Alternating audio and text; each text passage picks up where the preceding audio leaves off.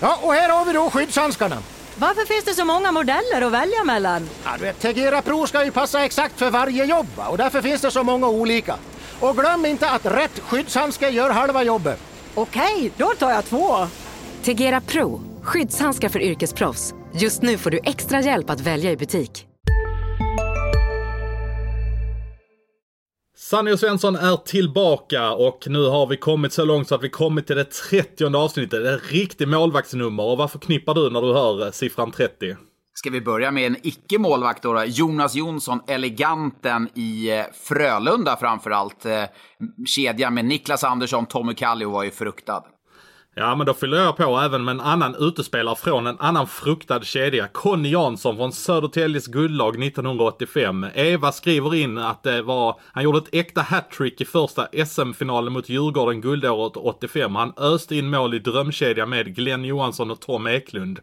Oj, det, det låter som en fruktad kedja på den tiden. Ja, det kan man nog säga. Jag, jag var ett år vid det tillfället, så att jag, jag minns inte det riktigt. Men de gjorde i alla fall eh, mål, eller försökte göra mål, på gamla Björklöven-målvakten Göte Välitalo. Eh, han eh, är ju en eh, vass målvakt i Björklövens historia och en vass målvakt i Djurgårdens historia, eller svensk hockeys historia. Det är ju Tommy Söderström. Vilken profil! Han brukar vara ute och svinga ibland på Twitter. Han är härlig att följa där.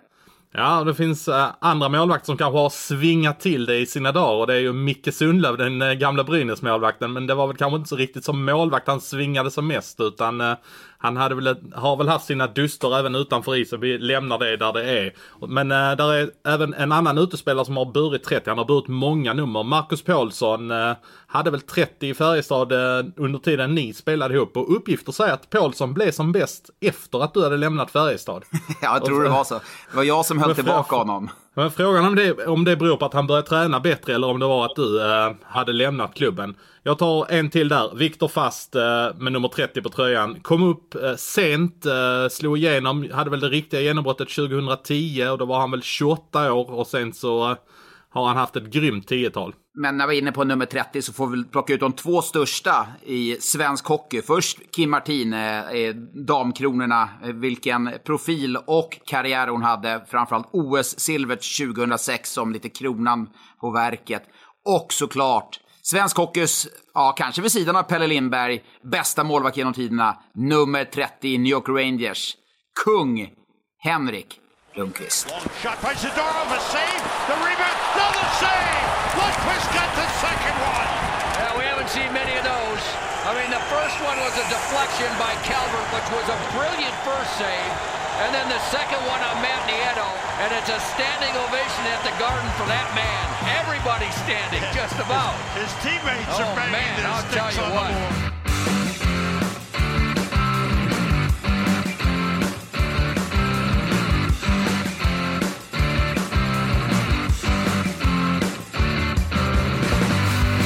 Det har nu gått en månad sedan det spelades hockey i Sverige och eh, ja, vad har hänt den här månaden? Hur mår hockey-Sverige? Hur mår du själv efter en månad eh, i mars och april utan att det har spelats någon ishockey? Jag har gått ner mig helt och hållet. Jag är så, så jäkla rastlös. Eh, det här är en av veckans höjdpunkter. Man kan sitta och snacka lite hockey med dig.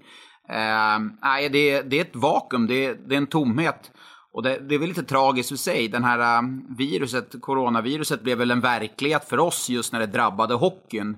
Eh, långt innan det så var det, hade det fått konsekvenser för många andra. Men det är när det liksom tar mot ens hjärta, om man ändå får säga, som hockeyn ändå är, som det, som det känns och märks. Ja, det får man verkligen säga. Nu, nu tycker jag faktiskt det känns lite lättare när solen har tittat fram. Det är lite skönare ut om dagarna. Man har på något sätt Ja, jag har i alla fall accepterat det och gått vidare. Eh, Det, det var man väl kanske illa tvungen att göra, men på något sätt känns det som att våren och sommaren är på intågande och man kan kanske börja se fram emot nästa säsong. Men Kan frågan är hur mycket Kan man man kan... Ja, men det är, ja, det är frågan. Hur mycket kan man se fram emot nästa säsong? Eh, Jag vet inte. Nej, det är just det, är just det som är det, läskiga. Och hur tänker man då som en chef? Hur bygger man lag som supporter?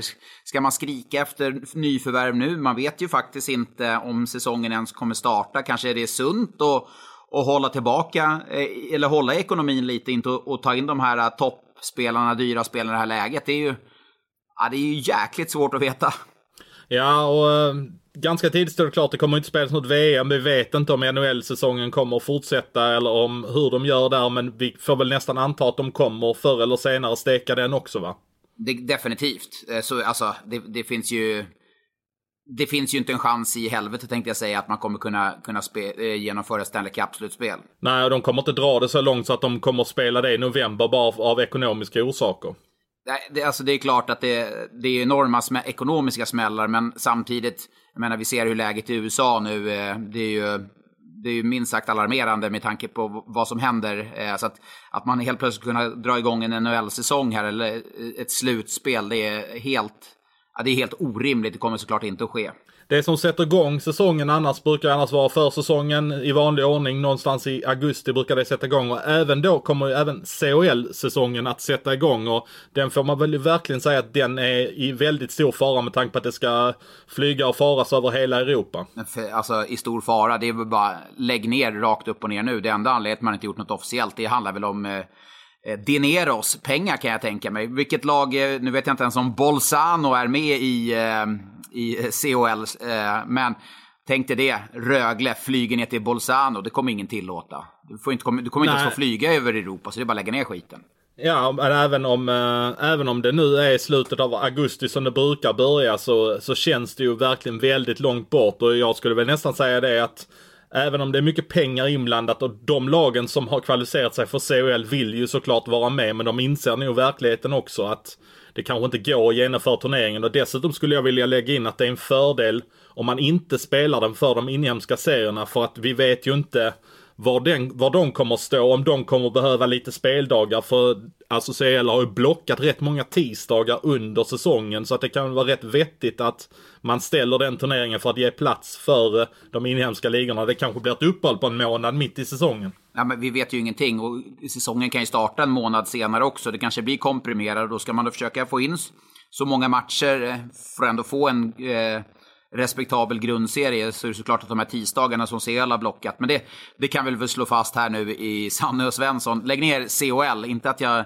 ska lägga ner den för alltid. Även om jag har kanske varit tidigare motståndare mot turneringen så tycker jag att den har fått ett uppsving. Men just den här, det här året är ju speciellt. Du ska såklart inte flyga runt i Europa och spela hockey. Helt, eh, helt orimligt. Ja, och så stora är ju faktiskt inte pengarna för, för, att man, eh, för att det ska vara acceptabelt att kunna spela det överhuvudtaget. En som inte kommer få spela CHL den här säsongen i alla fall, oavsett var han nu hamnar, Björn Hellkvist. Eh, skrev ju på ett nytt treårskontrakt. Eh, du, du twittrade då eh, att vilket modohjärta han visade, eller vad, vad var det du skrev eh, här för någon månad sedan? Ja, för några månader sedan. Han, jag, jag skrev väl någonting i stil med att uh, han visar att han verkligen tror på det här över tid eller något liknande. Man kan väl säga så här att den åldrades ju inte allt för väl den tweeten. Vilket jag såklart inte visste då. Men, nej, uh, nej. Jag, Ja, men jag, jag, jag trodde ju såklart att, uh, att Björn eh, var villig att, att hoppa på detta oavsett utgång under våren. För det är ju inte säkert att Modo hade gått upp i SHL även om, även om det nu inte blir inställt på grund av ett virus. Nej, men alltså vad, om vi bara... Jag förstår ju att, att i det här läget så... Det är klart att det är tufft för alla och Modo som har tappat mängder av spelare. Men vad, om vi här fallet, vad hade Björn förväntat sig om Modo inte hade gått upp? Det var ju inte så att det var 90-10 att Modo skulle gå upp. Det var ju snarare 20-80 kanske, 30-70 i procentsats att Modo skulle gå upp. Och hade man fått kvala hela vägen så hade man tappat exakt de här spelarna som man har tappat nu. Det är, det är ju ingen spelare som du, varken du eller jag känner en chock över att man tappar. Kanske Olofsson, men som vi var inne på förra veckan, det är väl ingen man står och faller med. Nej, alltså eh, Olofsson är ju en andra tredje center någonstans. Han var jättefin i höstas men eh, tycker han tappade lite grann i takt med att Rosdahl försvann ett gäng matcher. Sen så hittade de väl aldrig riktigt tillbaka till det där. Om vi skulle säga nu i höstas så skulle man ju säga men han är ju helt given att han kommer få en SHL-chans. Det är ju en riktig guldklimp men han visar ju inte över tid att, eh, att han kunde hålla den nivån. Och, så det är ju han och Kim Rosdahl som, som kanske är de som kanske borde ha stannat och eh, kanske kunnat leda laget till nästa säsong. Men hur ofta får de eh, ett SHL-avtal på bordet? Det, det, vet man ju Nej. inte. Men ska jag ta blodet från munnen och säga att Björn eh, Hellkvist har pissat på Modo den här veckan. Alltså det är, det är det enda rätta ordet för det. För att, jag menar, gå ut och uttala sig på det sättet som man gör och verkligen liksom, det är ju ett sätt ta mig härifrån. Jag vill inte, jag vill inte vara här. Han säger det ordagrant. Ja, ja, alltså han gör sig ju omöjlig i eh, Övik. Alltså det kvittar ju egentligen vad både vdn Johan Widebro säger och sportchefen Fredrik Glader att de säger nej men vi vill köra vidare med Björn. Deras förtroende för Björn Hellkvist är ju raserat fullständigt. Ja, som spelare, jag kan bara eh, liksom reflektera över mig som spelare. Om jag hade haft en tränare som så öppet hade gått ut och sagt att han, han inte hade energi att vara kvar och, och bygga om det här laget. Eh, då hade, det funkar ju inte. Alltså, jag hade ju inte lyssnat på den tränaren i samma utsträckning som, som krävs eh, med, med det ledarskap som Björn har. Och jag menar om han tappar 5-10 procent då är ju inte han den ledare han, han är och ska vara för Modo. Nej, men var, hur ska de komma vidare från detta nu? Ska de, även om de fattar att vi kan inte ha Björn Hellkvist, så de ska ju inte bara släppa honom till Leksand bara för att. Utan de, nej, nej. Hur, hur, ska de hantera det? Hur mycket, hur mycket ska de sätta sig på tvären? Ja, men de ska sätta sig på tvären sin åt helvete tycker jag. För jag tycker inte man beter sig så som Björn har gjort. Eh, eh, om vi bara separerar och har två tankar i huvudet samtidigt. Leksand och Björn Hellkvist vore ett jättebra par om vi bara eh, börjar i den ändan. Det vore ju superbra för Leksand som ändå sökt efter en tränare som man kan ha över tid, om nu Björn inte får ett bättre erbjudande under den här tiden i Leksand tänkte jag säga. Men det, det känns ju som ett jättebra alternativ.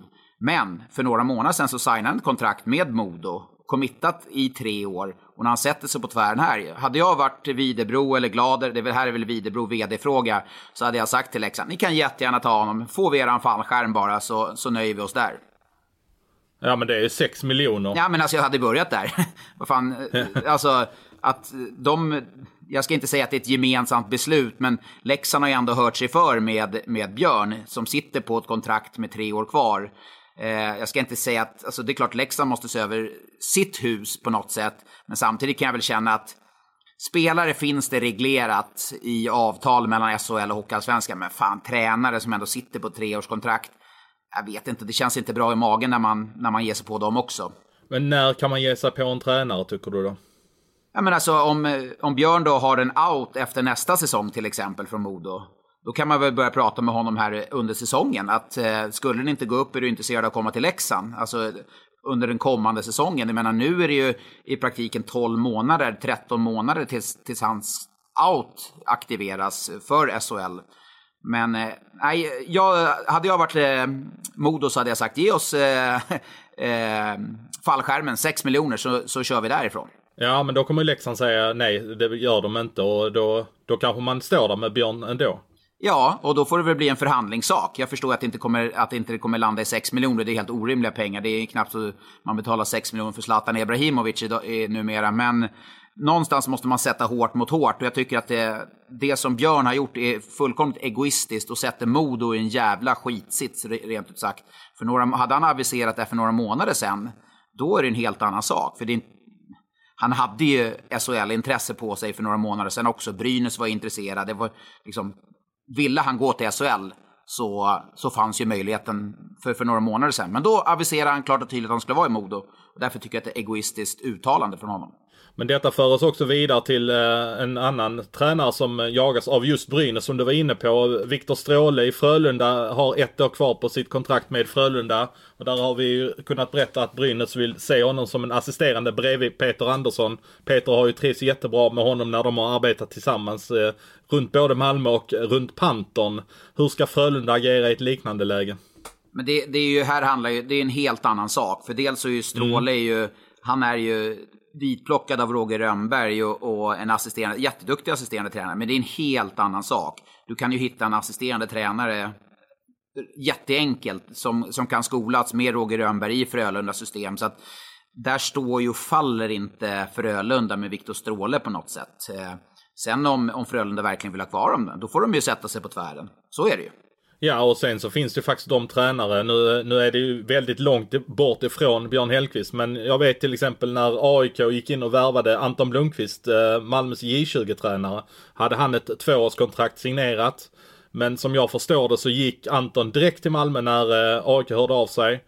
Eh, jag har fått det här förslaget och eh, Jag undrar hur ni ställer er till det och Eh, säger ni nej så är det 100% fokus på Malmö. Det är det jag är inställd på men jag vill höra med er. Är det en fair sak att komma med på det sättet? Ja, men det är, väl- alltså, det är väl ingen skillnad mot hur det var med Cam Abbott som var i, eh, i Växjös J20-lag. Rögle ställer en fråga. Det är klart att Cam Abbott vill ta ett steg uppåt. Men här i praktiken är det ju Modo och Leksand. De skulle ju eventuellt ha mött, mött sitt kval. Det är ju, de är ju faktiskt indirekt konkurrenter, även om jag vet att nästa år eller kommande säsong ska man inte kvala mot SHL-lag och allt det där. Absolut. Men det är ju liksom, det är inte som att gå från ett J20 till SHL eller J20 till Hockeyallsvenskan. Det är en avsevärd skillnad skulle jag vilja säga. Och att det rör sig om eh, ja, en huvudtränare där, vad är det, åtta spelare har lämnat klubben redan. Där huvudtränaren kanske är det hoppet som fansen har. Så är det ju, och det här är, det ska man också ha en enorm respekt för. Eh, för 10-15 år sedan så var tränaren, den var inte kittet i allting, utan då fanns det en stomme med 10, 12, 15 spelare år efter år efter år. Du ser det på de lagen som har varit framgångsrika, Djurgården, Frölunda, HV, Färjestad, ja, Skellefteå för den delen också, i, i hyfsad närtid. Men nu är ju tränaren är ju den viktigaste för spelare kommer och går. Och jag menar det som Björn och Modo har byggt upp, det attraherar spelare. Och nu när Björn säger att han inte ska vara kvar, hade jag som spelare velat gå till en klubb som ny spelare där Björn är tränare och inte vill vara där? Absolut inte.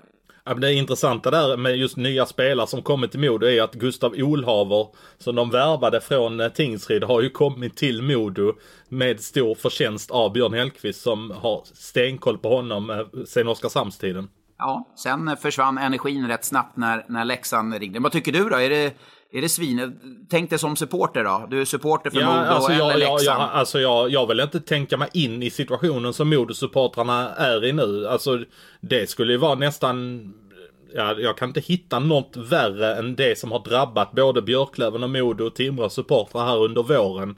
Att man fullständigt dräneras på chansen att vara med någonting som man har spelat sig till och sedan efter det så ska man då drabbas av att spelare och eh, då ledare, nu var det ju klart att Fagervall skulle lämna Björklöven tidigt men Alltså att man, ja det är en situation som jag hoppas ingen får uppleva igen att det blir på det här sättet. För om- det, det här är verkligen Nej men, värsta. om- nej men om du står där som supporter så, så är Hellkvist kvar. Han står där i bås i seriepremiären. Hade du, liksom, hade du stått där med samma passion och känsla och kärlek till ditt, ditt lag? Eller liksom, känner man då som supporter att laget blir större än en enskild tränare som inte vill vara där? Nej men alltså ja, jag skulle nu säga det att ingenting är större än förening. Jag skulle, ju, jag skulle aldrig acceptera Björn efter det som Modosupporter. Men jag skulle nog eh, lära mig att gå vidare för föreningens skull och för att det viktigaste nu är att vi vinner matcher. Sen får han väl nyttja den här outen efter ett år så vi blir av med fanskapet i stort sett. Men du, du har ju varit on fire här under veckan. Eh, Du var lite irriterad också eh, på en annan sak som eh, hände här i början av veckan. Emil Larsson gick ju till Örebro, blev officiellt för en tid sedan. Och eh, då var det ju ute en artikel i lokaltidningen i eh, Norrbotten där Norrländska Socialdemokraten skrev eh, om Emil Larssons höjda lön på 100 000 och det fick ju dig att gå i taket fullständigt ute i de sociala medierna. Ja, eh, och varför då? Ja, är jag rastlös? Har jag för lite att göra? Eh, alltså, eh, klättrar jag på väggarna? Ja, absolut. Men jag tycker, jag känner, nummer ett, jag känner inte Emil Larsson för fem öre. Jag vet inte på kronan vad han tjänade i Luleå och jag vet inte vad Luleå erbjöd honom. Men att han får en löneförhöjning på 100 000 kronor från det han hade i Luleå, det vet jag till 110 procent inte stämmer. Och att man då som journalist, i, eh, i lokaljournalist, inte i Örebro, utan i Luleå, en lokaljournalist, skriver om det här, eh, som är rent nonsens, det är inte sanning, det är ljug, det är påhitt. Då tycker jag man hänger ut en enskild spelare. Jag, tyck, jag, tycker, det är, jag tycker det är svinigt gjort. Och, va, och, och då antyder jag lite att var kommer källorna ifrån? Det är, det är inte så att NSD helt plötsligt har fått källor in i Örebro, utan min känsla bara, om jag får spekulera fritt här, nu kommer ju folk kasta sig på mig direkt igen. Luleå är ju less så inåt helvete på, helvete på Örebro att jag har läckt därifrån under säsongen. Vilket jag förstår. Det har ju läckt Kovacs, Emil Larsson, ja, men det har ju, det har ju det har ju varit öppna spjäll där. Så att jag förstår att Luleå lätt, har varit less och nu är det liksom ett, ja men fan, nu kan vi sticka en kniv i dem. Ja men lite så blir det ju för att eh, det här lägger ju en oerhörd press på Emil Larsson som han egentligen kanske inte riktigt förtjänar att han ska ha fått en löneförhöjning med 100 000 i månaden. Jag vet att han gick med ingångslön på strax under 150 000 när säsongen började i Luleå vilket då skulle innebära att han satt på lön på 250 000 i månaden. Vilket jag skulle säga är fullständigt orimligt att han skulle tjäna så mycket pengar på. Även om han naturligtvis har fått en löneförhöjning och det säkert har blivit lite fram och tillbaka här mellan klubbarna och kanske något bud har kommit från Luleå också innan de förlorade kampen. Så kan jag absolut inte tänka mig att Emil Larsson går in med en eh, ingångslön i Örebro Hockey på eh, runt en kvarts miljon i månaden. Nej, det kommer han inte göra. Men det vi kan slå fast är att Emil kommer tjäna bra kommande säsong. Han kommer tjäna mer i Örebro än vad han eh, gjorde i Luleå. För att så här funkar det alltid. När man byter arbetsgivare, eller i hockey, så har man bud på på, vad heter det, på 30 000 mer. Eh, är du nere på 15 000 i månaden, då byter du sällan klubb. Eh, förutsatt att du, trivs socialt, eh, vilket jag har fått uppfattning att Emil har gjort i Luleå. Men eh, det var som när jag var i Timrå. Jag menar, de visste exakt vad de hade mig varje år, vad de kunde locka mig med. Jag tjänade som bäst 140 000. Jag tackade nej till 170 000 i andra klubbar. 30 000 kronor. Just för att jag, ja, jag trivdes med min roll i Timrå. Men om du börjar räkna ut det med Emil, ett treårskontrakt, om det är 30-40 000 i månaden. Det är rätt svårt att tacka nej till faktiskt. Ja det blir ju eh, 3 gånger 12 det är 360 000 om året. Det är ju en miljon kronor under tre års tid. Så det är ganska mycket pengar som det slår på också. Dessutom så vet jag ju att Emil Larsson jobbade ju mycket med Niklas Eriksson i Almtuna och de trivdes varandra där. Och det är ju också någonting som ska vägas in i det hela. Så är det ju definitivt. Och jag menar att man som svenska spelare i den här åldern, vad Emil, han är 27 eller? Vad han... Eh, Ja, vad kan han vara? Någonstans där ja. Ja, men, men vi säger 25-28 år svensk spelare. De som byter klubbar eh, och har landslagsmeriter, de kommer tjäna bra pengar. För att det har jag varit inne på massvis med gånger. Alla klubbar vill ha svenska spelare. Eh, som en stomme. Och nu har man Emil på tre år, treårskontrakt i Örebro. Och Emil har ju mycket att bevisa för att han hade, han hade en tuff eh, comeback sen skadan, där handskadan den här säsongen. Eh, men jag tycker att det sätter orimlig press och det kändes som någonting som bara var jävligt planterat och helt kom från ingenstans. En artikel om hur mycket han ska tjäna i en, en klubb som är NSD inte har någon helst, noll insikt i. Men om jag får fråga en grej till kring det här. Du var inne på det själv nu att Emil Larsson han eh, har ju kanske inte haft den bästa säsongen. Han gjorde 10 poäng på 28 matcher tror jag den här säsongen i Luleå och eh, tittar man poängskörden senaste två säsongerna så är det ju Absolut inte på nivå som motsvarar en toppspelare. Ja, jag vet att du försvarade Tom Pajat att han kunde ha andra egenskaper som spelare. Men Emil Larsson, när han kom fram i Luleå så tryckte han ändå in 23 baljor. Och nog fasen kan vi väl ha krav på honom att han ska producera offensivt. Han ska väl göra sina 30-35 poäng. Absolut, jag tror han, om, jag menar, alla lag, alla sportchefer som sätter, och, sätter ihop ett lag, de budgeterar lite med spelare. Hur mycket ska den här, hur många poäng ska han göra nästa säsong och vilken utveckling kan han ha? Man måste liksom räkna mål lite. Det är liksom så man sitter som, som sportchef. Och då tror jag definitivt när man har skrivit kontrakt med Emil Larsson så är nog förhoppningen att han ska göra minst 15 mål, 15-17 mål. Det, det, tror jag man har som förväntan både på han och Robin Kovacs. Och då som svenska spelare, då får de betalt därefter också. Ja, just budgetera med poäng. Det, det, vet jag att Henrik Evertsson i Växjö är duktig på när han eh, sätter ihop sitt lag. Då ska det vara så mycket poäng som möjligt för så lite pengar som möjligt. Och det var väl kanske därför han värvade en sån som till exempel Marcus Davidsson. Och eh, han har ju värvat, eh, även Emil Pettersson värvade han ju hem för att han skulle leda laget, vara en producerande spelare. Brendan Shinnimin har skrivit på i alla fall ett eller två förlängningar i eh, Växjö. Och så har du ju även Jakob Forsbacka Karlsson. Alla de här fyra spelarna har du på ett eller annat sätt ryktats ut från Växjö. Och min första känsla var när de här nya uppgifterna om Kinnimin och Emil Pettersson kom ut i eh, veckan var att har Växjö lagt alldeles för mycket pengar på sin spelartrupp så att eh, de behöver dra i bromsen för att jag tror de är uppe en bra bit över 30 miljoner eller är detta på grund av de sportsliga resultaten? Ja, eh, alltså vi, du nämnde ju en podd här för eh, ett par månader sedan att det var just Marcus Davidsson och Forsbacka Karlsson. Det var, kom inte som en överraskning, men när Aftonbladet skrev om Emil Pettersson och Kinnemin så kände jag att oj, det var, det, det, för, det, var ingenting jag förväntade mig. För Emil Pettersson ser jag ändå en enorm potential i, mer än man gör i Forsbacka och Marcus Davidsson. Eh, så att där känns det som att han skulle kunna studsa tillbaka. Och Kinnimin tyckte jag inte var så jäkla dålig i år ändå.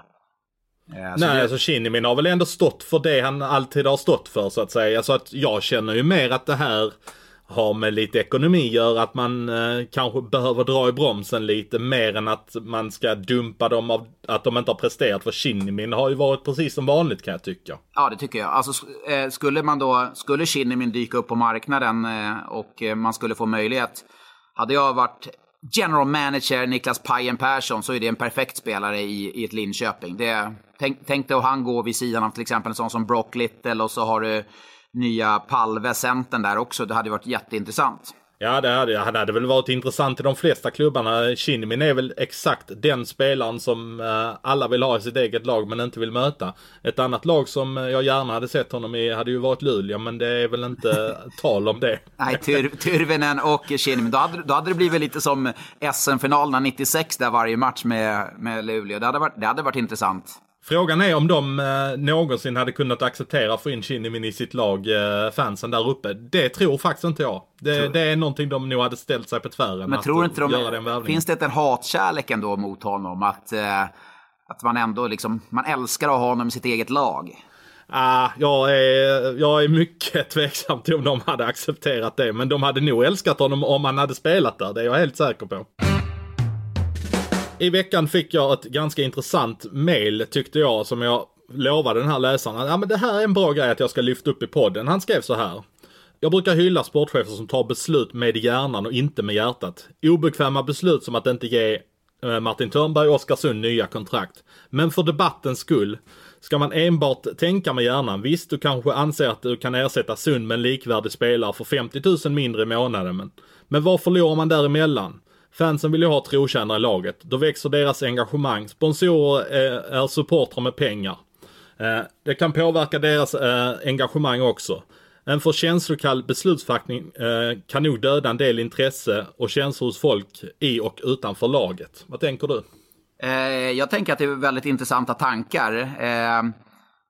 det som man ska ha med en sportchefs jobb är ju att se till föreningens bästa vad behöver mitt lag ha för olika ingredienser för att bli framgångsrika? Och ja, det är ju, låter ju underbart det här med trotjänare och allting, men jag fick i alla fall lära mig under mina sist, mitt sista år i samband med att jag fick den här smällen mot huvudet att som spelare kan man känna någonstans att jag är jäkligt viktig. Jag gick från att vara assisterande lagkapten, hade tankar och åsikter när bussen skulle gå, om vi skulle åka dagen innan till Gävle, var vi skulle stanna och äta, till att egentligen ingen jävel brydde sig. Och där säger jag inte med en bitterhet, utan det är så här det funkar. Det handlar hela tiden om nästa match, det är vinna nästa match. Så det här med trotjänare, det låter vackert, men den dagen de inte presterar tillräckligt bra så är de, lika, då är de borta lika snabbt som någon annan spelare också. Så, så funkar det. Och det, jag, jag, tycker lite att det måste funka så också. Det, jag, jag, vill inte roman, romantisera det här med trotjänare på det sättet. Men det som är frågeställningen är ju vad ställer detta när fansen och sponsorer som kanske förknippar HV71 mycket med Oskarsund, som kanske förknippar Brynäs mycket med Jakob Blomqvist. Hur deras kritik, de negativa spiralerna som detta för med sig. En sponsor kan säga att det blir det blir fan inte mer än 150 år. Vi har gått in med 250 varje år. Hur mycket ska man värdera det för att göra de här grejerna? Ja, det är alltid en värdering, men till syvende och sist så handlar det om att vad är det som gör mitt lag bättre? Och den här sponsorn som då bara vill lägga in 150 000, ja, men om de vinner och de fortsätter vinner och vinner och vinner, vem är det som saknar Martin Törnberg, Oskarsund i det här fallet, eller Jakob Blomqvist som du nämnde, det finns Sebastian Karlsson i Linköping, det går ju att räkna upp massvis med spelare. Det var som Frölunda där när de eh, byggde om eh, laget. Mikael Johansson, kom du ihåg honom, Rightar-centern? Han var ju jätteuppskattad. Oh ja, oh ja. Och det var ju en Frölunda-kille. Men när Frölunda eh, presterade en hockey som de gjorde direkt med Roger Rönnberg, vem satt i Skandinavium och saknade Mikael Johansson?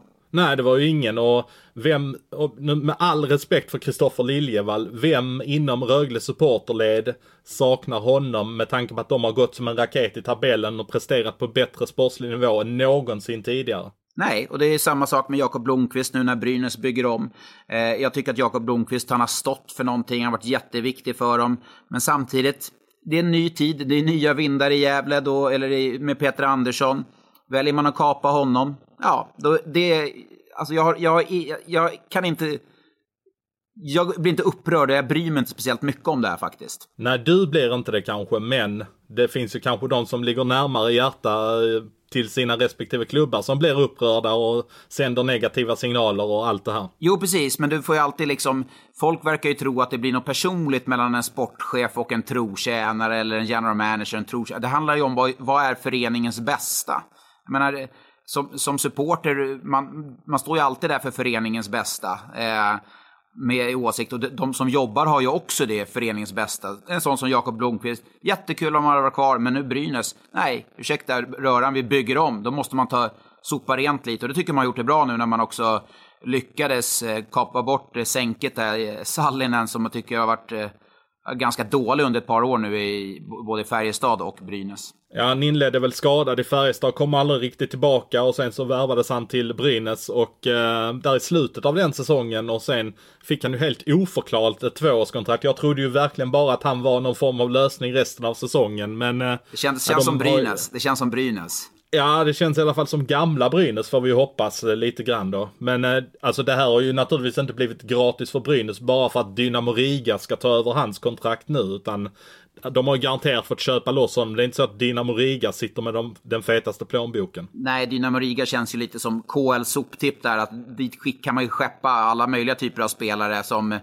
kanske inte riktigt är tillräckligt bra just för KL, men hamnar i Riga för en inte KL-mässig lön eh, på det sättet som det är på många andra ställen. Men frågan är om detta är ett Peter Andersson-inträdebeslut eller om det var beslut som Brynäs kände sig tvungna att fatta ändå. Eller ser vi att Peter Andersson går in och sätter en tydlig prägel? Har han gått upp till Micke Sundlöv? Nej, det går inte med Tommy Sallinen. Vi får hitta en lösning på det här. Ja, men eh, jag tror inte ens att det behövde gå så långt, utan de satte sig, vilken typ av hockey vill vi spela? Okej, så sitter man och tittar på laguppställningen. Ja, men de här och de här spelarna passar in, de här gör inte. Jag tror att det kommer mer eh, förändringar i Brynäs. Jag är inte säker på att en sån som DeShano, eh, ens, eh, som har kontrakt, kommer spela där nästa säsong. Nej, det tror inte jag heller. Jag är ganska säker på att han kommer hitta någonting i tyska ligan om inte nu viruset sätter stopp för deras ekonomiska ramar där nere. Och eh, gud förbjude det jag kommer säga nu på tal om trotjänare. Jag tror inte en sån som... Har du också valt att bli egen? Då är det viktigt att skaffa en bra företagsförsäkring. Hos oss är alla småföretag stora och inga frågor för små. Swedeas företagsförsäkring är anpassad för mindre företag och täcker även sånt som din hemförsäkring inte täcker. Gå in på swedea.se företag och jämför själv. Hej, Synoptik här. Visste du att solens UV-strålar kan vara skadliga och åldra dina ögon i förtid? Kom in till oss så hjälper vi dig att hitta rätt solglasögon som skyddar dina ögon. Välkommen till Synoptik. Johan Alsen, trots att han har var han två, tre år kvar på kontraktet va? Två eller tre år kvar på kontraktet. Att ens han sitter säkert och då gillar jag Johan Alsen som en superstor profil. Men jag tror att det, det, kommer, det kommer fortsätta ske förändringar. Sett till den forwardsuppställning man har. John Persson, Manberg eh, skulle jag säga. Manberg fyller ändå en roll som eh, 11-12 forward i Peter Anderssons lagbygge. Och Greg Scott och Anton Rudin. Utöver det så tror jag det är... Eh, det ser ingen som sitter säkert där. Niklas Danielsson och eh, Emil Molin kommer väl eh, hitta nya avtal där så de kommer ju gå in högt i laget så att de har ju ändå eh, rätt bra påfyllnad högst upp i laget känns det som. Så är det ju och det, det, Brynäs de här två senaste säsongerna har haft en jävligt bra första kedja. Sen har man inte haft någon påfyllnad där bakifrån och det blir väl den stora utmaningen att få en bra första kedja Att den drivs vidare med Greg Scott och eh, Rödin med en Danielsson där kanske. Kanske att Emil Molin kan gå in som center och bära en kedja i, bakom eh, Rödin och Scott kanske. Eh, det kom ju ut också från eh, Norran i Skellefteå att eh, Adam Pettersson efter över 500 matcher i tröjan för Skellefteå AIK kommer att spela för Brynäs den kommande säsongen och eh, Adam Pettersson har ju verkligen stått och stampat ett par år. Han var ju faktiskt ganska het på marknaden när han skrev det här nya tvåårskontraktet med Skellefteå för två år sedan. Eh, då vet jag att både Färjestad, Linköping, Växjö var också på honom då. Då kändes han som en eh, ja, riktig eh, center som skulle ta det här sista steget. Men det hände ju ingenting här i Skellefteå. Jag var rätt säker på att eh, Bert kanske skulle vara lite intresserad av Adam Pettersson. Men eh, nu landar han i Brynäs så var hittar vi en roll till honom i laget? Nej, det, är, det är just det. Var, då är det ju tredje, tredje kedja. Jag ser inte att Adam Pettersson är, ska vara högre upp än en tredje kedja. Och, eh, men det är samtidigt som du är inne på där som jag tror att Brynäs ser en uppsida i att han har stått och stampat lite. Ett miljöombyte kanske kan bli jäkligt bra. Så det är ändå en värvning som andas någonstans lite potential. En trotjänare som eh, fortfarande är kontraktlös efter sitt, ja det är väl nästan sitt livs säsong får man säga. Per Åslund i, eh, i Färjestad. Eh, han hade väl säkerligen rätt mycket bud utomlands innan viruset tog vid här och det har ju inte kommit någonstans. Han har inget avtal för nästa säsong. Hur högt ska man värdera en så pass gammal spelare ändå som kommer för sin livssäsong? Någon gång kommer ju dippen också komma. Ja, det här är ju en jätteintressant förhandling. Eh, alltså, ur båda aspekten. Jag förstår ju att Per Åslund vill ju, han vill ju ha det bästa tänkbara kontraktet. Han vill ju ha någonstans runt 200 000 i månaden. Vilket jag tror att Färjestad i det här fallet inte är sugna på att betala med tanke på att man vet inte riktigt vad man får. Alltså, får man då 35-40 poäng nästa säsong eller får man 25? Men det som man ska också ska ha, gör han 25-30 poäng, värva in 25-30 poäng, garanterade 25-30 poäng. Vad får du betala för det? Du är ja, någonstans. då är vi uppe någonstans mellan 150 och 200. Ja, med tanke på om vi pratade lite tidigare om Emil Larsson där, var, att han drar in en bra, bra slant i, i eh, Örebro. Och där har du inte ens garanterade 30 poäng som den någonstans ligger på med Per Åslund för så att han hållit sig frisk. Så det, det, där, jag skulle vilja säga att det är en ganska viktig förhandling för, för Färjestad också. För att han är en trotjänare, han har varit där länge, han har ändå spelat med Jörgen Jönsson, Peter Nordström. Då förstår du att då har, han, då har man varit i föreningen ett tag. Han, han är en kultbärare för klubben helt enkelt. Så din uppmaning till Peter Jakobsson är se till att få hans äh, signatur på ett papper? Ja, det är det väl. Eller, till, för båda skull. Jag, jag tror väl Per, per Åslund har väl väldigt mycket att vinna på att stanna i Färjestad också. Det är väl inte många som har chansen att få tröjan upphängd i ett tak i Löfbergs arena så som marknaden ser ut nu med spelare som kommer och går. Så att, jag menar, skulle Åslund spela två, tre säsonger till i Färjestad, och dels den mesta spelaren i klubbens historia och ja, han kommer att tjäna bra de här åren också. Ja, och det är, väl, det är väl en säsong i Köln, annars har det varit Färjestad för hela slanten för honom och så missar han ju nästan en hel säsong då, förra säsongen.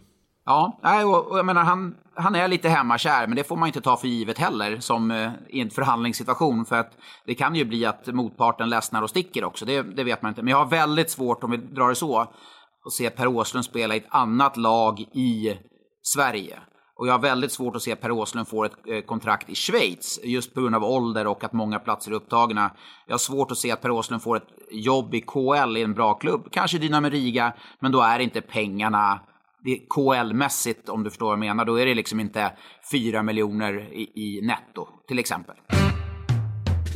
Det har varit en ganska lugn påskhelg här, men det var inte så lugnt under långfredagen när jag fick lite uppgifter här på att Joe Canetta hade signat med Oskarshamn och gick ut med det på min Twitter. Eh, det blev ehm, liv i luckan kan jag säga. Jag trodde inte det skulle bli sånt liv, men det var kanske lite naivt av mig att tänka så för att det förstod man väl att en målvakt som varit allsvenskans bästa i Björklöven som kanske skulle mött Oskarshamn i ett kval att det skulle röra om i grytan lite. Ja, vad, har du haft det hett hela helgen här eller?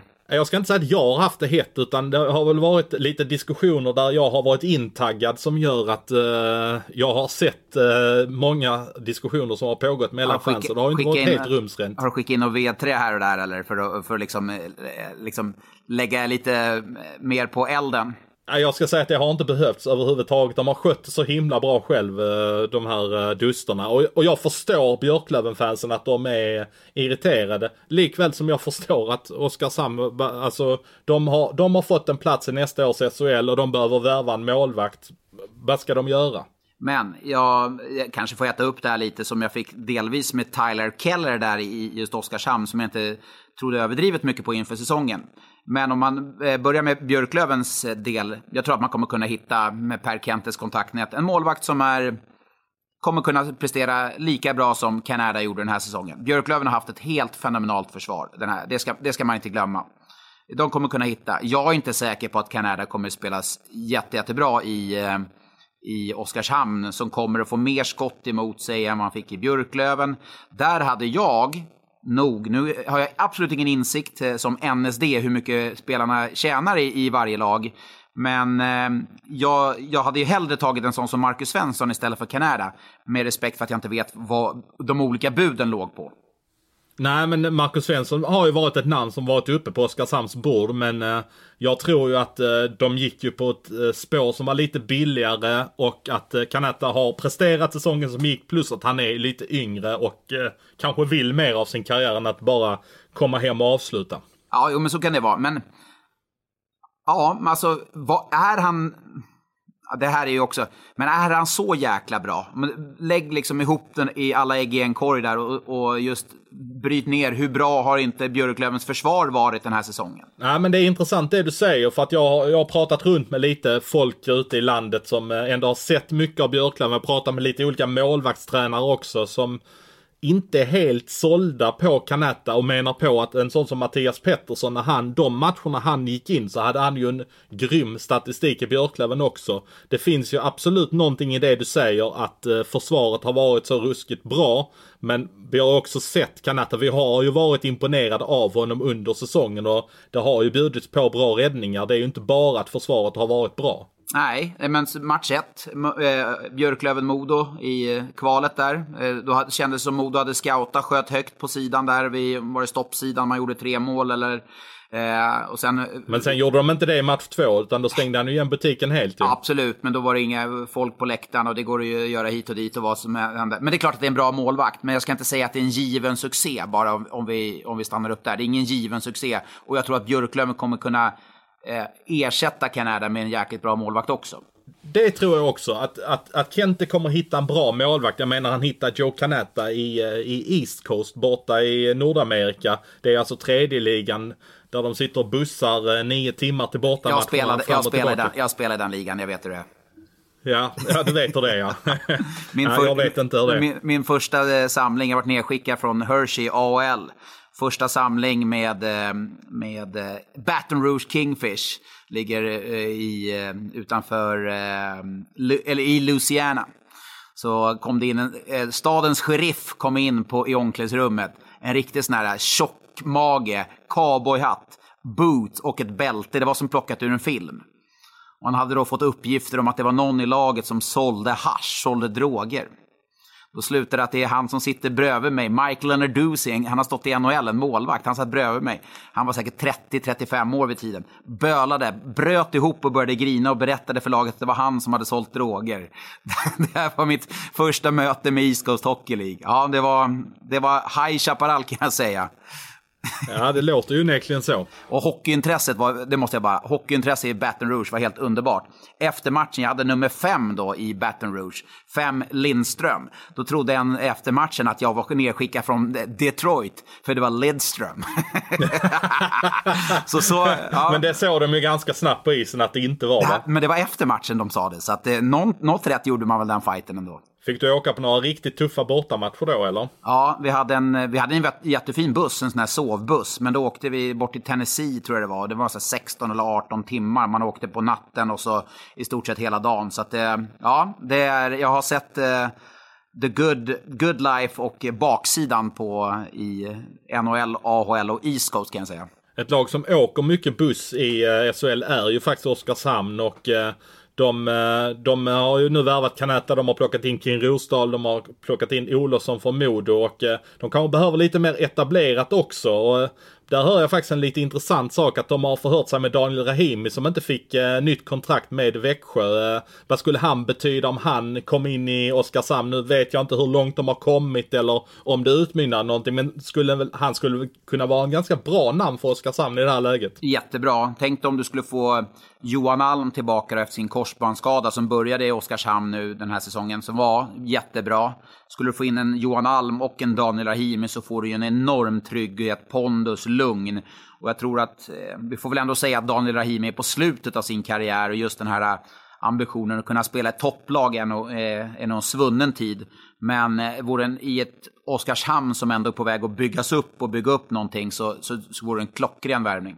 Ja, och det kopplas ihop även här med, med Björklöven och Umeå. Nej, nej, nej, nej. eftersom, Inte, eh, elda inte på nu Svensson. Nej, men jag, jag måste ju ändå göra det lite grann för att jag vet ju att, eh, jag vet ju att Björklöven-supportrarna säkert också skulle vilja ha hem Rahimi och eh, vad jag förstår så är inte han helt oäven för att komma hem till Umeå även om de spelar i Hockeyallsvenskan. Men Rahimi vill ju ha ett lite längre avtal. Det är precis som du säger, han har kommit upp lite i ålder här och ehm, då vill man ju ha ett lite längre avtal och kanske få hela familjen på plats och, och allt det här. Det är kanske det som betyder mest. Och, eh, men som jag förstår det är Björklöven inte i dagsläget beredd att eh, erbjuda erbjuda Rahimi det. Men eh, Oskarshamn ska väl vara hyfsat villiga men det kanske nog skiljer en bit rent ekonomiskt. Men jag tror mycket väl att det skulle kunna lösa. Jag vet att de har eh, pratat med honom personligen. Martin Filander har pratat med honom, vet jag. Men eh, ja, nej, men jag, jag, har ju varit... Eh, jag, mitt kontrakt gick ut och när jag skadade mig, jag hade ju inte den här möjligheten eller att välja sista kontraktet på det sättet. Men hade det inte varit väldigt kul på något sätt att sluta en cirkel och få tillbaka Daniel Rahimi i Björklöven, få vara med och ja, man har vunnit SM-guld, han har spelat VM, få ändå vara med och ta upp Björklöven till SHL. Det, det måste ju vara en, en enorm morot för, för, eh, ja, för vilken spelare som helst och i, i det här fallet Daniel Rahimi. Ja men verkligen. Jag, jag hade ju noga övervägt det att, eh, att komma tillbaka. Men det verkar som sagt inte som att Björklöven i dagsläget vill ge honom eh, den tiden på kontraktet som han vill ha. Men du menar kanske på att han ska vara beredd att kanske skriva ett eller två år istället då? Ja, kanske det. Alltså komma hem på något sätt som en riktig hjälte. Eh, nu är Fredrik Andersson eh, jättebra kapten där, men komma hem och bli en riktig ledare i en förening på uppgång som liksom som inte behöver slå ut några SHL-lag. Det kan ju vara ett år i, i Hockeyallsvenskan som man tillbaka där igen och, och liksom blir den här äh, hjälten på riktigt på hemmaplan. Det kanske Björklöven hade behövt eftersom eh, jag hörde att de eh, förlorade en kamp om eh, Wilhelm Westlund som har gjort en supersäsong i BIK Sluta hata Björklöven. Varför är du på Björklöven för hela tiden? Ja, jag är inte på Jo, det- Björklöven. det är de ju. förlorade, de, nej, det är jag inte. Lägg av nu.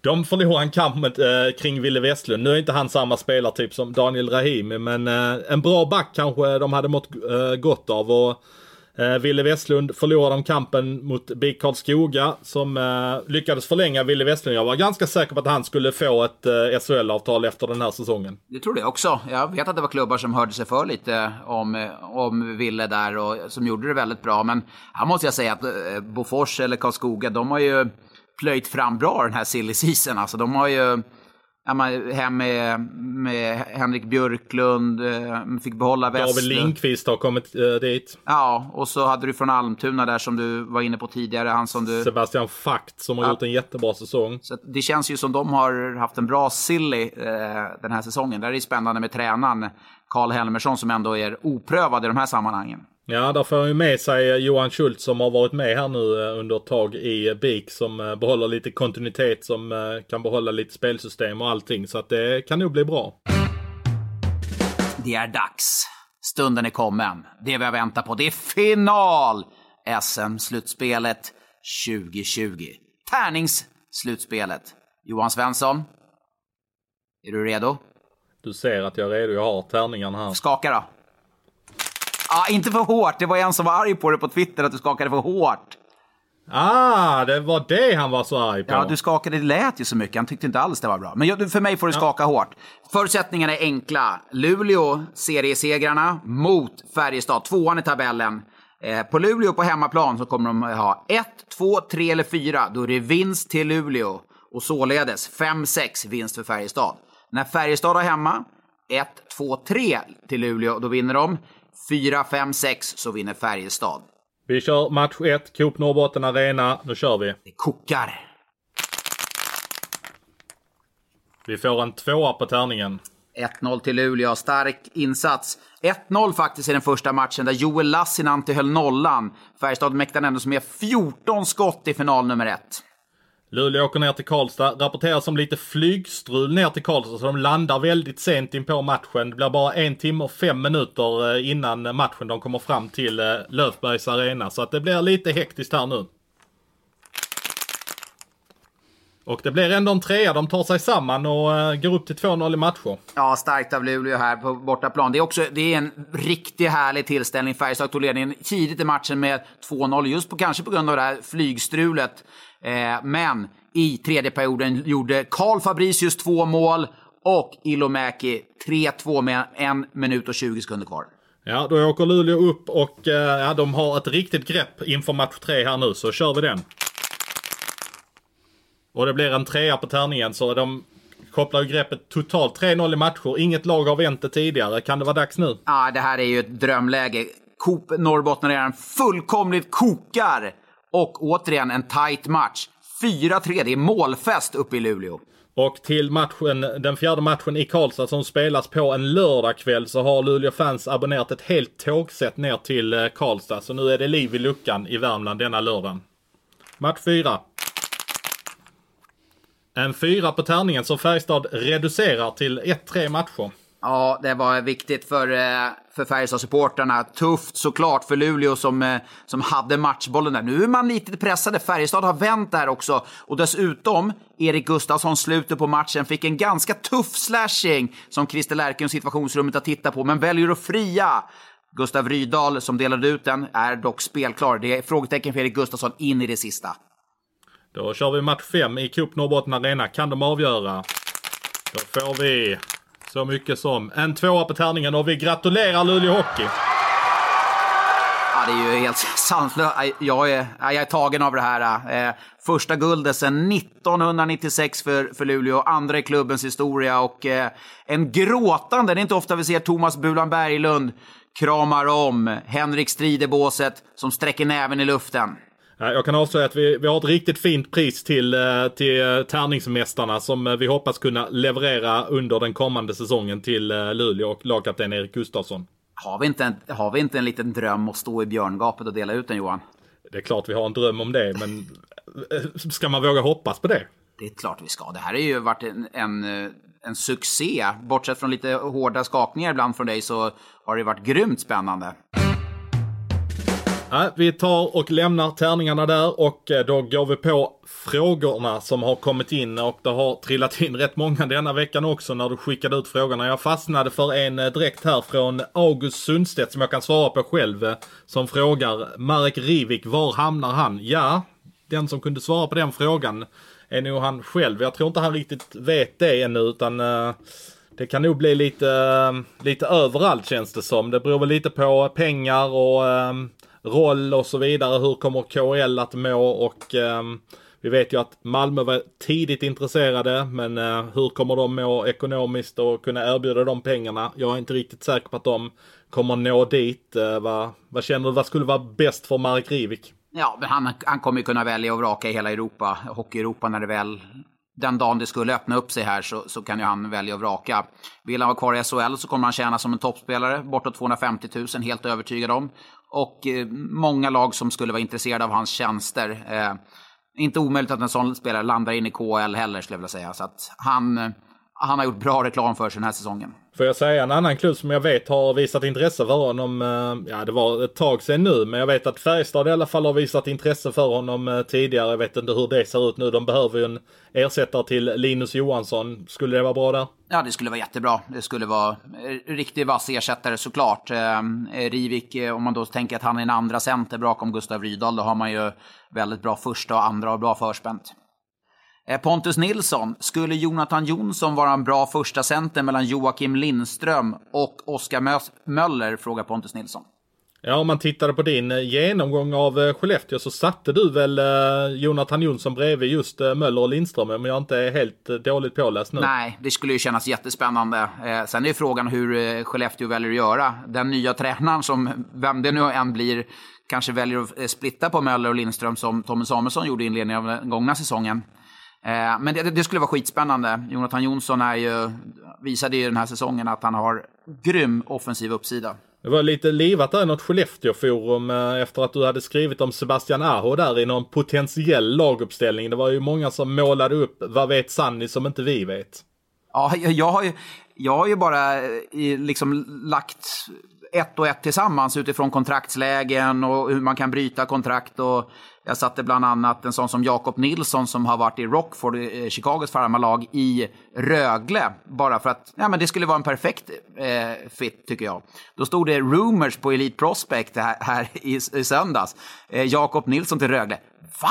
Tänkte jag, så gick jag in och kollade på källan. Ja, men då var det jag som hade skrivit det. Jag är ju för fan ingen källa. Jag sitter ju... Nej, jag såg det också när det plingade till. Vad är det här? Var kommer nu det här ifrån? Vem är det som har skrivit detta? Så såg jag bara, Expressen? Va? Vem på Expressen har skrivit det här? ja, nej, och jag skrev ju också Anton Vedin till, eh, till Färjestad, som jag tror skulle passa in där med sin fart. Men där skrev ju Aftonbladet, eh, som Henrik Andersson, eller Henrik Andersson frågar, Anton, Lund, Anton Vedin och Albin Lundin till FBK, eller Jonathan Dahlén och Albin Lundin till FBK, som då Aftonbladet skrev om i lördags. Ja, men det är ju intressant det här med Jonathan Dahlén. Han har ju kopplats ihop med Färjestad här nu en fyra säsonger på raken tror jag det är. Det, det har varit väldigt mycket Jonathan Dahlén och det är ju ingen hemlighet att Peter Jakobsson gillar Jonathan Dahlén. Vem gör inte men, det? Äh, jag, Vem gör inte det? Nej, men, nej, men så är det ju. Och, äh, men just äh, i par med Albin Lundin så känns det ju lite kittlande att om de skulle få lov att spela ihop i ett SHL-lag också. Albin Lundin har ju ändå gjort en, en resa tidigare i SHL som inte har varit alltför lyckad. Så ska han upp till SHL så kanske det behöver vara i en topproll med Dahlén vid sin sida för att han ska få utlopp för det även i högsta ligan. Men du, det här måste jag bara kräva ett svar på. Det stod i Aftonbladet när de skrev den artikeln att 12 av 14 SHL-lag hade visat intresse för Jonathan Dahlén. Du vill veta vilka två det är som inte har visat? Ja, vadå, alltså, varför har två lag inte visat intresse? Vad håller de på med? Vad, vad är grejen? Vilka är det? Jag skulle kunna tänka mig att Oskarshamn är ett av dem för att de inser att de inte kommer få honom. Ja, men det andra då? Ja, det har jag inte en aning ja, om den, vilket den, andra laget Ja, men den andra klubben har väl sjukt dålig självbild då? då? Ja, det borde de ju ha. Eller så är det väl just det de har om de kanske inser att Jonathan Hallén kommer inte komma till oss. Vilka det nu är.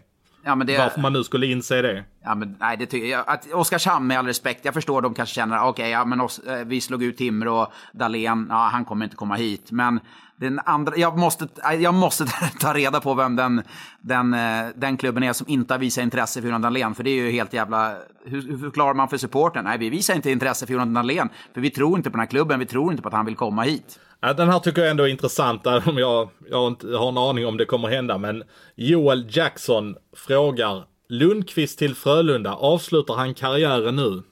Nej, kan det hända? Nej, nej, nej, nej, nej, gör inte det. Alltså, man har för mycket att förlora på det som spelare. Ja, har, vad har han för drivkraft att spela i Frölunda?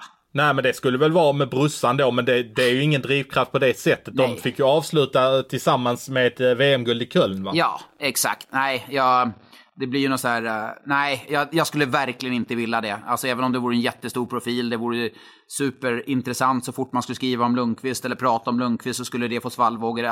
För ligan hade det varit jätteintressant, men rent för Henrik Lundqvist så hoppas jag inte att han gör det, utan avslutar hur det nu blir avslutet i Rangers och sen eh, om han spelar vidare där borta eller avslutar. Men jag hoppas för hans skull att han inte kommer hem till Frölunda. Jag hoppas att eh, Henrik Lundqvist får komma till en klubb där han eh, i alla fall får vara en av två målvakter och ett lag som verkligen har chansen att vinna Stanley Cup. Ja, det vore ju faktiskt det perfekta slutet. Det hade ju varit väldigt läckert, men han sitter ju på ett ganska bra kontrakt där borta. Det är frågan om hur mycket Rangers är villiga att ta den kostnaden om han skulle bli borttradad.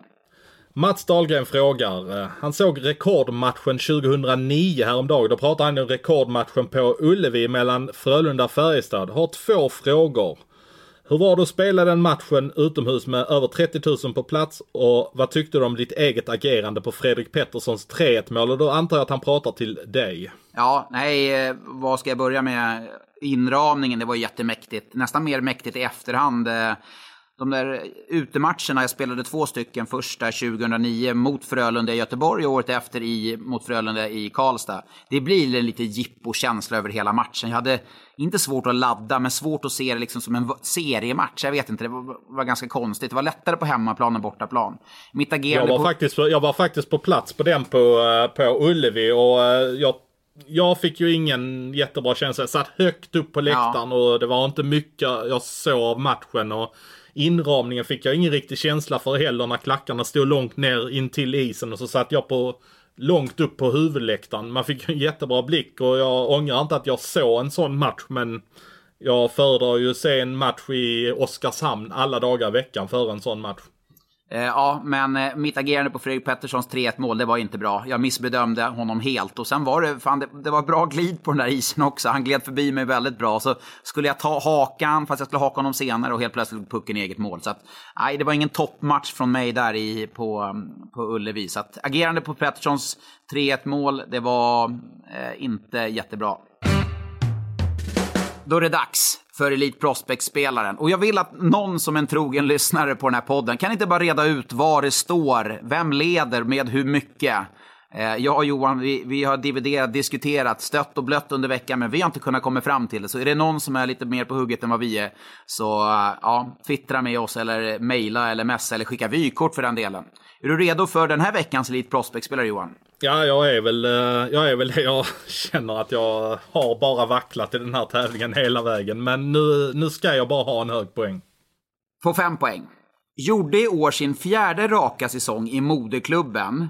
Och det är ingen överdrift att säga att årets säsong var hans i särklass bästa. Till klubbens stora glädje kommer han bli kvar i tre år till. F vad sa du, fyra raka säsonger? Ja.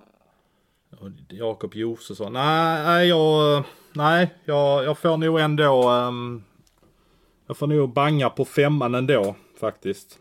Ja, på fyra poäng. Nominerad till en av priserna på SHL Awards imorgon. Vem är nominerad till den höll jag på att säga. Jag har själv varit med och, och röstat på det här. Tre år kvar i moderklubben. Och Dennis Everberg skrev ju fem år, så han har fyra kvar i Rögle och han har inte sin i särklass bästa säsong. Och han är inte nominerad heller. Nej, men jag har inte koll på vem som är nominerad. Har vi någon målvakt som har varit riktigt jäkla bra då? Ja, kan det vara Osk Nej, Oskar Alsfeldt har inte sin i särklass och han... Är han nominerad? Ja, det är han nog va? Han har ju tre år kvar, men han har ju inte gjort sin i särklass bästa säsong. Uh, nej, jag, jag vet inte. Nej, vill du ha tre poäng? Ja, vi kör. Den här 29-åringen värvades hem från AIK och han har bland annat spelat med Timrå i SHL, Västerås, Sundsvall och Tingsryd i Hockeyallsvenskan. Ja men alltså det är ju skrämmande det här ju. Det här är ju skrämmande. Tingsryd, Sundsvall och... Västerås, i, hock Västerås i Hockeyallsvenskan. Och han har spelat med Timrå i SHL. Nej men alltså jag är så besviken på dig nu Svensson. Jag tror den här skulle vara lätt.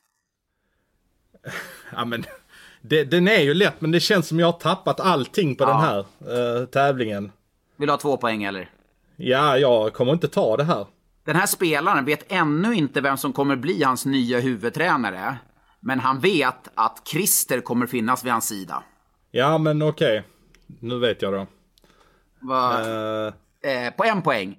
Skellefteås nummer 30 tog rollen som det givna första valet mellan stolparna den här säsongen.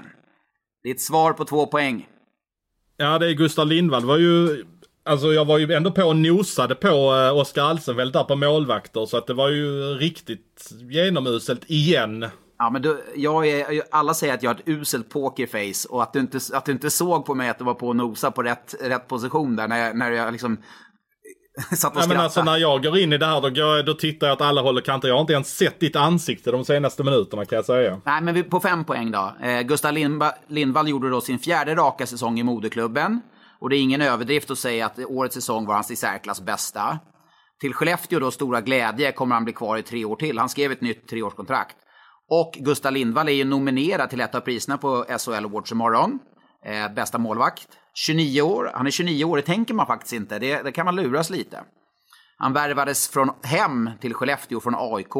Har bland annat spelat i Timrå i SHL. Det var en liten, eh, liten eh, stickspår eftersom han var utlånad där. Det är ingenting man Jag minns. minns inte ens att han har varit i Tingsryd, ska jag ärligt säga. Västerås, eh, Sundsvall och Tingsryd har han varit i. Eh, mm. Och på Eh, två poäng då, Christer Holm som du var inne på. Och vi vet ju inte vem som ska bli Skellefteås nya huvudtränare. Och en poäng, ja mycket riktigt, nummer 30. Dagens avsnitt eh, eh, summeras med Gustav Lindvall. Och med ansiktet raka vägen ner i skämskudden efter det här så tackar jag för den här veckan. Vi ses nästa vecka.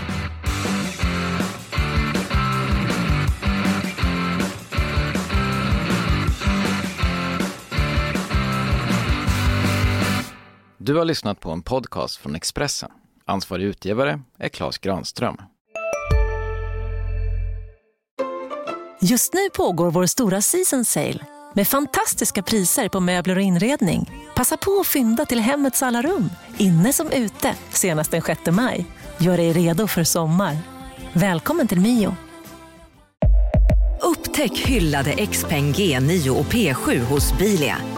Våra produktspecialister hjälper dig att hitta rätt modell för just dig. Boka din provkörning på bilia.se xpeng redan idag. Välkommen till Bilia, din specialist på XPeng.